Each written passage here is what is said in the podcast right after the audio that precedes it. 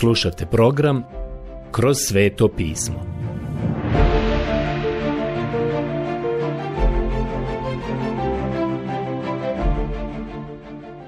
Knjiga Izlazak Odlomak Izlazak poglavlje 29 Prijatelji, ovdje u 29. poglavlju ponovno dolazimo do sveštenstva. Prošli put smo spominjali odjeću koju je Aron trebao nositi, a to su bile haljine koje su bile u čast i za ukras. Obećavam vam da neću čitati sve ovo. U ovom poglavlju imamo 46 stihova koji nisu toliko zanimljivi i uzbudljivi koliko bi mogli biti. Ali ovo je nešto za što sam uvjeren da Božji duh želi koristiti za službu vama i meni. Ali kao što smo rekli prije, ovo je Božji bukvar za nas. I velike duhovne lekcije su ovdje za nas. Posvećenje sveštenika Hoćete li primijetiti u posvećenju sveštenika imamo? Ovako ćeš postupati s njima, da mi ih posvetiš za službu svećeničku. Uzmi junca i dva ovna bez pogreške. Knjiga izlaska 29.1 I to je prva stvar. Želim usput da kažem da kada je riječ o posvećenju, tu vjernik zapravo ništa ne radi. To je nešto što Bog čini za nas a zasniva se na dovršenom Kristovom dijelu. Na tome se zasniva i počiva posvećenje. Sada ćemo pročitati od drugog do četvrtog stiha. Beskvasan kruh i s uljem umiješane beskvasne kolače i uljem namazane beskvasne pogače, što ćeš ih prirediti od bijelog pšeničnog brašna. Stavi ih u jednu košaricu i u košarici prinesi ih ovamo, U sto junca i oba ovna, neka onda Aron i njegovi sinovi dođu na ulaz u šator svjedočanstva i neka se očiste vodom. Knjiga izlaska 29, 4. Naravno, ovo pranje je tipično za preporod. Mi to nismo postigli ili ostvarili dijelima pravednost. Po svome milosrđu, Bog nas je spasio pranjem preporoda i obnovom duha svetoga. Ovo pranje ima veze sa preporodom. Kada vidimo umivaonik, vidjet ćemo da je to potpuno drugačija vrsta pranja. Sada će Mojsije obući Arona u haljine. Uzmi haljine i stavi na Arona košulju, plašt što pripada oplečku i oplečak s naprsnikom. Opaši ga pojasom oplečka i čitamo sada 8. i 9. stih. Na to njegove sinove dovedi i obuci im košulje. Opaši ih, Arona i njegove sinove pojasom i stavi im visoke kape na glave. Tako će im pripasti svećeništvo po vječnom valjanom redu. Postavi tako Arona i njegove sinove u njihovu službu. Knjiga izlaska 29.5 i 8 do 9. Posvećenje je zapravo ono što Bog čini, a ne ono što mi činimo. Danas slušam toliko o službama posvećenja, gdje ljudi nešto čine i obećavaju da će nešto učiniti. Prijatelji, posvećenje znači doći Bogu praznih ruku i dopustiti njemu da ih on napuni. To je sve što to znači. Obećao sam Bogu velike stvari u prošlosti, a nikada ih nisam ispunio. I ne želim misliti da je to posvećenje. To nije ono što sam mu ja obećao.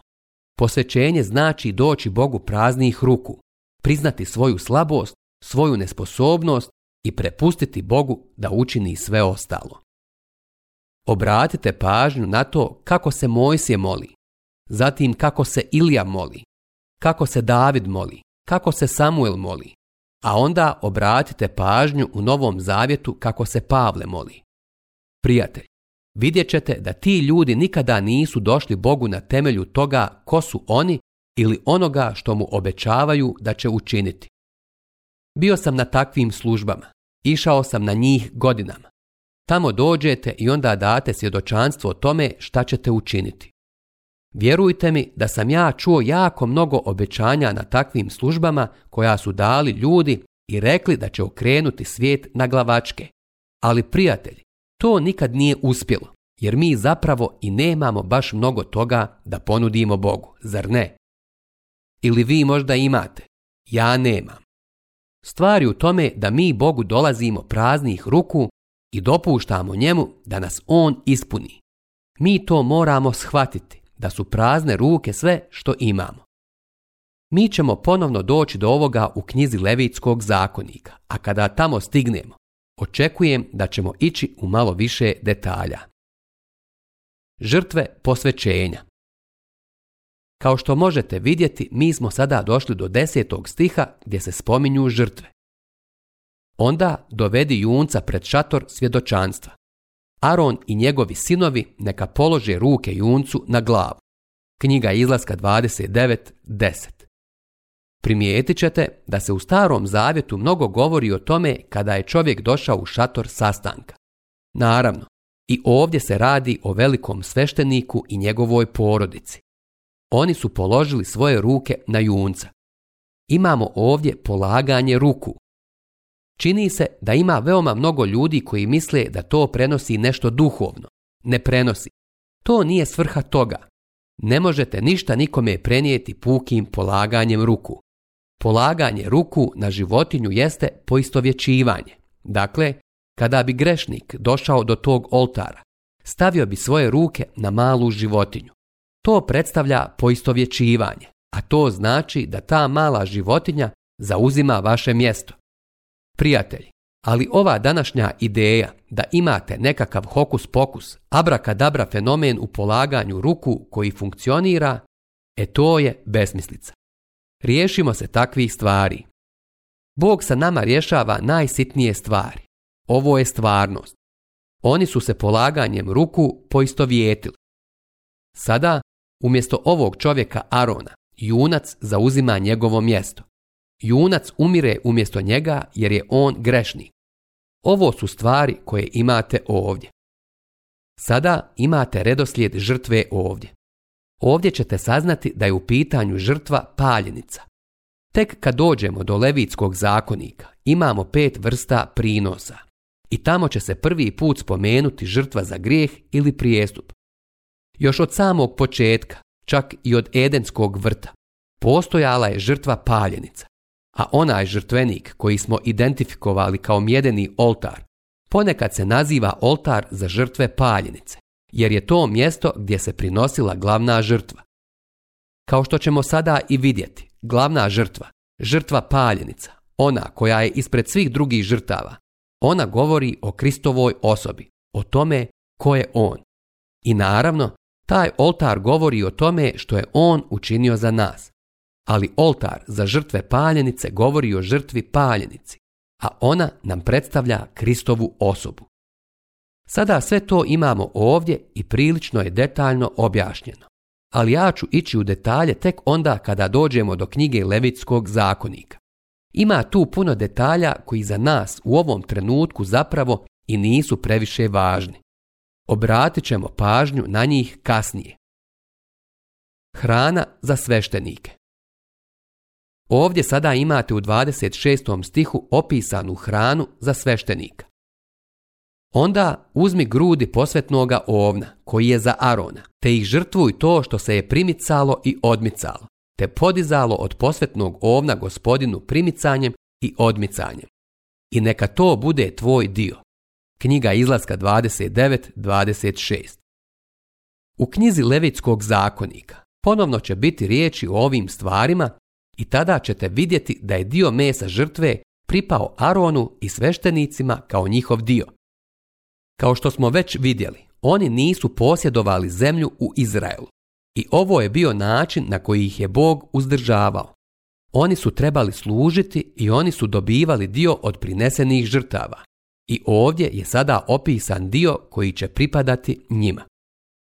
Ovo poglavlje se završava sa naglaskom na žrtvu paljenicu. To je ono što imate tu. Sve dok ne dođete do knjige Levitskog zakonika, nemate žrtvu za grijeh i žrtvu za prijestup. Ja znam da će se u glavama mnogih ljudi sada pojaviti pitanje. Da li je to istina? Zašto su ovdje opisane takve stvari, a još nema žrtve za grijeh? Žrtva za grijeh i žrtva za prijestup su dane tek u vrijeme kada je i zakon dat. I to ide uz zakon. Drugim riječima, grijeh je bio grijeh i prije zakona, ali nije bio prijestup i nije bio grijeh u smislu da je bio otvoreni čin protiv Božje zapovjedi. A danas je grijeh grijeh. To znači da ako čovjek počini grijeh, onda je to grijeh. Možda nije prijestup, možda ne poznaje zakon ali zapravo danas čak i na našim pravnim sudovima mislim da postoji jedno pravilo. Sjećam se kad sam prije mnogo godina studirao trgovačko pravo da je ovo bio jedan od aksioma koji je bio zapisan. Nepoznavanje zakona nikoga ne opravdava. Mnoge stvari se mogu učiniti u neznanju i mogu biti pogrešne, ali to ne postaje prijestup ili otvoreni grijeh sve dok to nije direktno protiv zapovjedi. To je zapravo razlog za zakon, pokazati čovjeku da je grešnik. Pokazati mu da je već bio grešnik. Zakon nije čovjeka učinio grešnikom. Zakon je samo otkrio i pokazao da je čovjek grešnik. Neprestana žrtva paljenica Ovdje dolazimo do ove stalne žrtve paljenice koju je trebalo neprestano prinositi. I ovo je važno napomenuti stih 38 i sada bih trebao pročitati nešto od ovoga. Ovo prinosi na žrtveniku, dva janjeta od godine, dan za danom bez prekida. Jedno janje žrtvuj ujutro, drugo podvečer. Uz to desetinu efe bijelog brašna, što je umješano s četvrtinom hina ulja od stučenih maslina. Knjiga izlaska 29, 38 i dalje. Ove pojedinosti ćemo razmatrati kasnije u knjizi Levitskog zakonika kada budemo obrađivali žrtve prema njihovom redoslijedu, kako su i dane. Ono što je za nas ovdje važno, jedino važno, to je bila svakodnevna žrtva. Svako jutro i svaku večer je prinošena žrtva paljenica, janje ujutro i janje večer. Naravno, ovo nam govori o činjenici da je tim ljudima bio potreban taj stalni podsjetnik da trebaju nekoga da zauzme njihovo mjesto, da je njihov grijeh zaslužio smrt i da mora biti prolijevanja krvi. Biću sada veoma otvoren i iskren. Ovo je izneseno u poslanici Hebrejima. Rečeno nam je sljedeće. Sad se pojavio jednom na svršetku vijekova, da svojom žrtvom razori moć grijeha. Poslanica Hebrejima 9.26 Vidite da krv bikova, jaraca i janjaca jednostavno nije mogla ukloniti grijeh, ali sada je on to učinio. Gospod Isus se adekvatno nosio sa grijehom, a to je veoma važno da ovdje vidimo. Njegova žrtva je bila primjerena i on je umro samo jednom, jednom na kraju vremena u kojem se pojavio. 30. poglavlje. Kadioni oltar. Došli smo do velikog poglavlja o bogosluženju. To je 30. poglavlje i ovdje sada imamo instrukcije za kadioni oltar. Kad ili tamjan predstavljaju molitvu. Nakon toga ćemo vidjeti ko su oni koji mogu učestvovati u bogosluženju i štovanju. Oni moraju biti otkupljeni. I ne samo otkupljeni, pa ćemo zato vidjeti i instrukcije za umivaonik. Oni se moraju i očistiti. Ovo su zahtjevi i za nas ukoliko mi želimo služiti Bogu. Hajdemo sada da pogledamo kadioni oltar. Taj oltar se nalazio u svetinji, unutar glavnog dijela šatora sastanka. Vidite, u vanjskom dvorištu nalaze se dva komada namješta. Mjedeni oltar ili žrtvenik i mjedeni umivaonik. Već smo spominjali mjedeni oltar, ali ne i mjedeni umivaonik. Mjedeni oltar govori o Kristovom križu, o njegovoj smrti za naše grijehe. Kada uđete u glavni odjeljak, imate tri komada namještaja. Svi oni govore o štovanju. Do sada smo spominjali svječnjak i sto sa hljebovima.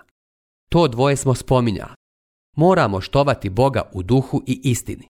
I to je mjesto gdje se Božji narod sastaje i ima zajedništvo. Zajedništvo ne znači samo imati gozbu u crkvi. To nije mjesto gdje se sastajete i tračate. To je mjesto gdje susrećete Kristovu osobu i hranite se njime. To je prava gozba. To je štovanje. Ali tamo postoji još jedan oltar, a to je kadioni oltar. Dolazimo sada na ovo jer je ovo veoma važno. Ja ću sada čitati. Napravi i žrtvenik koji će služiti za paljenje kada. Napravi ga od drveta bagrema. Knjiga izlaska 31. Ovo je veoma važno da vidimo. Neka bude jedan lakat dug i jedan lakat širok. I primijetit ćete dimenzije koje su dane. Usput da kažem, veoma je malen.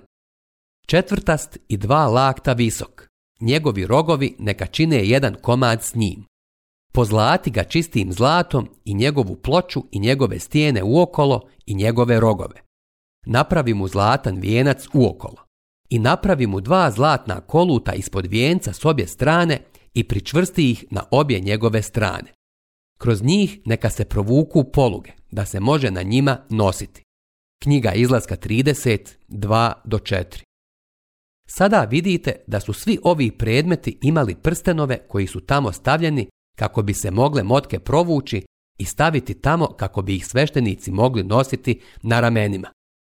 Kada dođemo do knjige brojeva, Vidjet ćemo da kada su Izraelci započeli svoj marš kroz pustinju, da su tada sveštenici, to jest leviti, nosili sve ove stvari kroz pustinju. Dalje nam je rečeno u šestom stihu sljedeće. Postavi ga pred zavjesu, što visi pred kovčegom zakona, pred pomirilištem što je nad kovčegom zakona, gdje ću se objavljivati tebi. Knjiga izlaska 36. Sada vidite, mjesto gdje je išao ovaj oltar bilo je tačno pokraj zavjese i tačno sa druge strane zavjese bio je kovčeg saveza i pomirilište. To je bio dio štovanja i bogosluženja. Sada čitamo dalje. Ja bih želio pročitati sedmi i osmi stih. Aron neka tada na njemu pali miomirisni kad. Svako jutro kad sprema svjetiljke, neka ga pali. I kad Aron podvečer postavlja svjetiljke, neka ga pali. Neka to bude vaš redoviti kad pred gospodinom od koljena do koljena. Knjiga izlaska 37 do 8. Ovo je veoma važno vidjeti, inače ovaj oltar nije bio oltar za žrtvu. Tu nije trebalo biti prinošenja žrtava. Oni su trebali koristiti određenu vrstu tamjana. Čitamo sada stih 9. Ne smijete na njemu prinositi niti nezakonitoga kada, niti žrtve paljenice i prinose. Ne smijete ni naljev na njemu lijevati. Knjiga izlaska 39. Drugim riječima, jedina stvar koja se trebala prinositi na tom oltaru bio je tamjan. Sveštenik bi ušao i zapalio tamjan svaki put kada bi upalio svijeće. Veoma je važno obratiti pažnju na ovaj oltar. To je dio bogosluženja. To je u ovom poglavlju koje govori o bogosluženju. Smijem li reći, odmah na početku se govori o molitvi. Kako znamo da govori o molitvi? Zato što nam je rečeno da je tamjan simbol molitve i hvale na mnogim mjestima. David je rekao u 141. psalmu u drugom stihu sljedeće. Nek ti bude mila moja molitva kao kad pred tvojim licem, moje uzdignute ruke kao prinos večernji možemo vidjeti u knjizi Otkrivenja u trećem stihu osmog poglavlja. Kada je anđeo prinio molitve, on je također izlio tamjan. Zato je David mogao reći ovo, nek ti bude mila moja molitva kao kad pred tvojim licem. Sjećate se da na samom početku Novog Zavjeta doktor Luka započinje svoje evanđelje spominjući Zahariju koji služi kod Kadionog oltara. On je bio pripadnik Levijeva plemena i tamo je služio, a Tamjan je bio povezan sa molitvom. On je služio kod kadionog oltara i činio je to tako što je provodio vrijeme u molitvi. Drugim riječima, Bog je progovorio nakon 400 godina šutnje ovdje pored ovog kadionog oltara. Dakle, Tamjan je lik Krista, našeg zagovornika. Tamo gdje je Aron služio, to je bilo mjesto gdje je bio veliki sveštenik. Aron predstavlja Kristov lik u posebnom smislu, iako je on sveštenik po redu Melkisedekovom. Kadioni oltar se spominje i u poslanici Hebrejima i u skladu sa onim što piše u osmom poglavlju vidimo da se nalazi u svetinji nad svetinjama. Izgleda kao da pisac poslanice Hebrejima nije znao gdje to pripada. O da, znao je. Zašto ga je onda stavio tamo? Zbog toga što kada je pisao, ta je zavjesa bila razderana na dvoje. Krist je ponudio samoga sebe ovdje dole na zemlji. Njegovo je tijelo bilo razderano i umro je na križu, ali je uzašao nazad na nebo. I ta je kadioni oltar danas na nebu. Vi i ja dolazimo Bogu po Kristu. On je naš veliki zagovornik. On je tamo gore. Taj oltar govori o mjestu na koje je on poslan. A kada vi i ja dođemo Bogu u molitvi, moramo doći kroz njega. Ja ne mogu prihvatiti to kada danas čujem ljude kako govore. Sada kada sam spašen, mogu direktno doći Bogu. Ne, ne možete. Prijatelji, vi dolazite kroz Krista. On je onaj koji nas dovodi u Božju prisutnost. Sada se Krist nalazi na nebu i moli se za nas. Bilo je divno za narod Izraela znati da je njihov veliki, veliki sveštenik bio tamo pored tog oltara i molio se za njih. Divno je danas znati da naš veliki sveštenik također moli za nas. To je lijepa i divna slika. Rečeno nam je da se on ne moli za svijet. Da li ste znali da Krist ne moli za svijet? On to kaže u svojoj vlastitoj molitvi u Evanđelju po Ivanu u 17. poglavlju u 9. stihu. Pogledajte tamo šta on kaže. Ja se za njih molim, ne molim za svijet, nego za one koje si mi dao, jer su tvoji. Neko će da kaže, hoćeš mi reći da se Isus ne moli za svijet? On kaže da se ne moli. Zašto ne?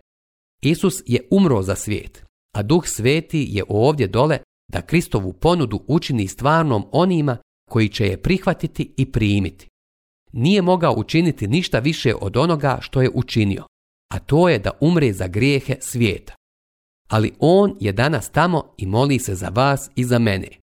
Drago mi je da jeste, jer da on nije gore, danas ne bismo mogli puno učiniti ovdje dole. Divno je znati da imamo velikog sveštenika koji se moli za nas. Sada ću morati završiti za danas ali sljedeći put želim nastaviti i započeti sa ovim prekrasnim kadionim oltarom u ovom velikom poglavlju o molitvi.